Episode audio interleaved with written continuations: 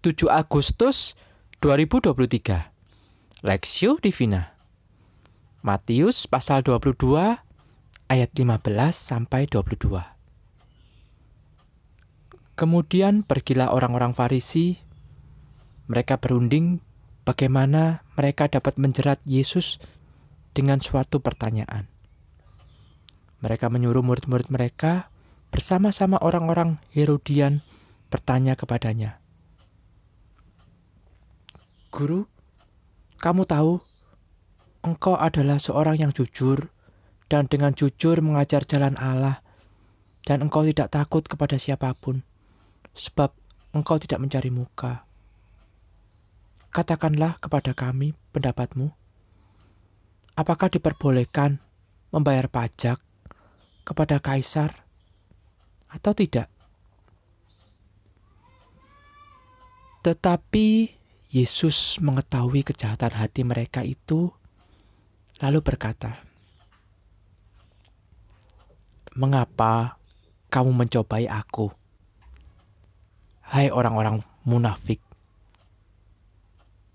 Tunjukkanlah kepadaku mata uang untuk pajak itu."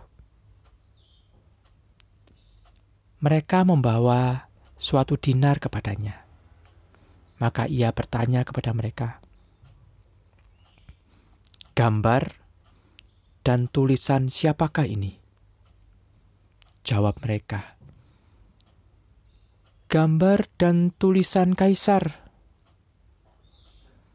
Lalu kata Yesus kepada mereka,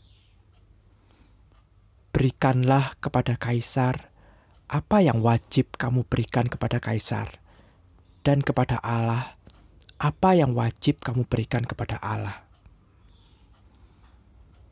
Mendengar har, mendengar itu, heranlah mereka dan meninggalkan Yesus lalu pergi. Berikan apa yang menjadi haknya, perspektif. Berikanlah kepada kaisar apa yang wajib kamu berikan kepada kaisar dan kepada Allah apa yang wajib kamu berikan kepada Allah. Matius pasal 22 ayat 21b. Dipuji jangan terbang, dihina jangan tumbang, sebab seekor nyamuk pun bisa mati hanya dengan sebuah tepukan. Ini adalah kutipan dari buku seorang motivator yang mengingatkan bahwa pujian tidak boleh membuat kita terlalu bangga. Demikian pula hinaan. Jangan membuat kita putus asa. Sebab banyak orang yang sangat senang dirinya dipuji sehingga menjatuhkan dia. Dalam perikop ini kita melihat orang Farisi dan orang Herodian memuji Yesus dengan tujuan menjatuhkannya. Namun Yesus tahu betul niat hati mereka yang menyanjungnya dengan berkata bahwa Yesus ialah orang yang berani dan tidak takut siapa pun. Mereka sebenarnya ingin agar Yesus mengambil posisi dalam memberi jawaban pertanyaan mereka apakah diperbolehkan membayar pajak kepada kaisar atau tidak. Sesungguhnya ini adalah jebakan. Sebab jika Yesus menjawab perlu, maka Yesus akan dianggap memihak penjajah Romawi. Namun jika Yesus menjawab tidak perlu, maka Yesus akan dianggap memberontak dan tidak taat kepada pemerintah Romawi. Di luar ekspektasi mereka, Yesus menjawab bahwa mereka harus memberikan apa yang wajib diberikan kepada kaisar dan tidak lupa memberikan apa yang wajib diberikan kepada Allah. Silahkan memberikan kepada silahkan memberikan kepada setiap pihak yang berhak menerima dan jangan melupakan kewajiban memberi kepada Tuhan. Menjadi anak Tuhan tidak membuat seorang tidak perlu taat kepada pemerintah. Justru kita diingatkan akan kewajiban kita kepada pemerintah yang harus dilakukan, termasuk membayar pajak. Namun, jangan kita main-main juga dengan apa yang menjadi hak Tuhan.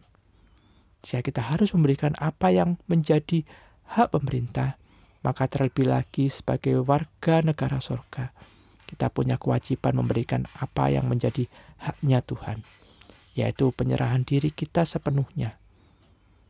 Sesungguhnya, benturan antara hal yang sekuler dan religius bisa terjadi, namun kita tetap bisa menjalankan kewajiban sebagai warga negara sembari juga menjalankan kewajiban kita sebagai anak Tuhan. Taat kepada pemerintah di dunia ini tidak membebaskan seorang Kristen dari ketaatan untuk melayani Tuhan. Studi pribadi, apakah kewajiban kita terhadap negara sudah dengan taat kita lakukan? Apakah kita juga sudah memberikan apa yang seharusnya diberikan kepada Tuhan? Pokok doa, berdoalah supaya Tuhan menolong kita untuk bisa taat, baik kita sebagai warga negara Indonesia dan juga warga negara kerajaan sorga.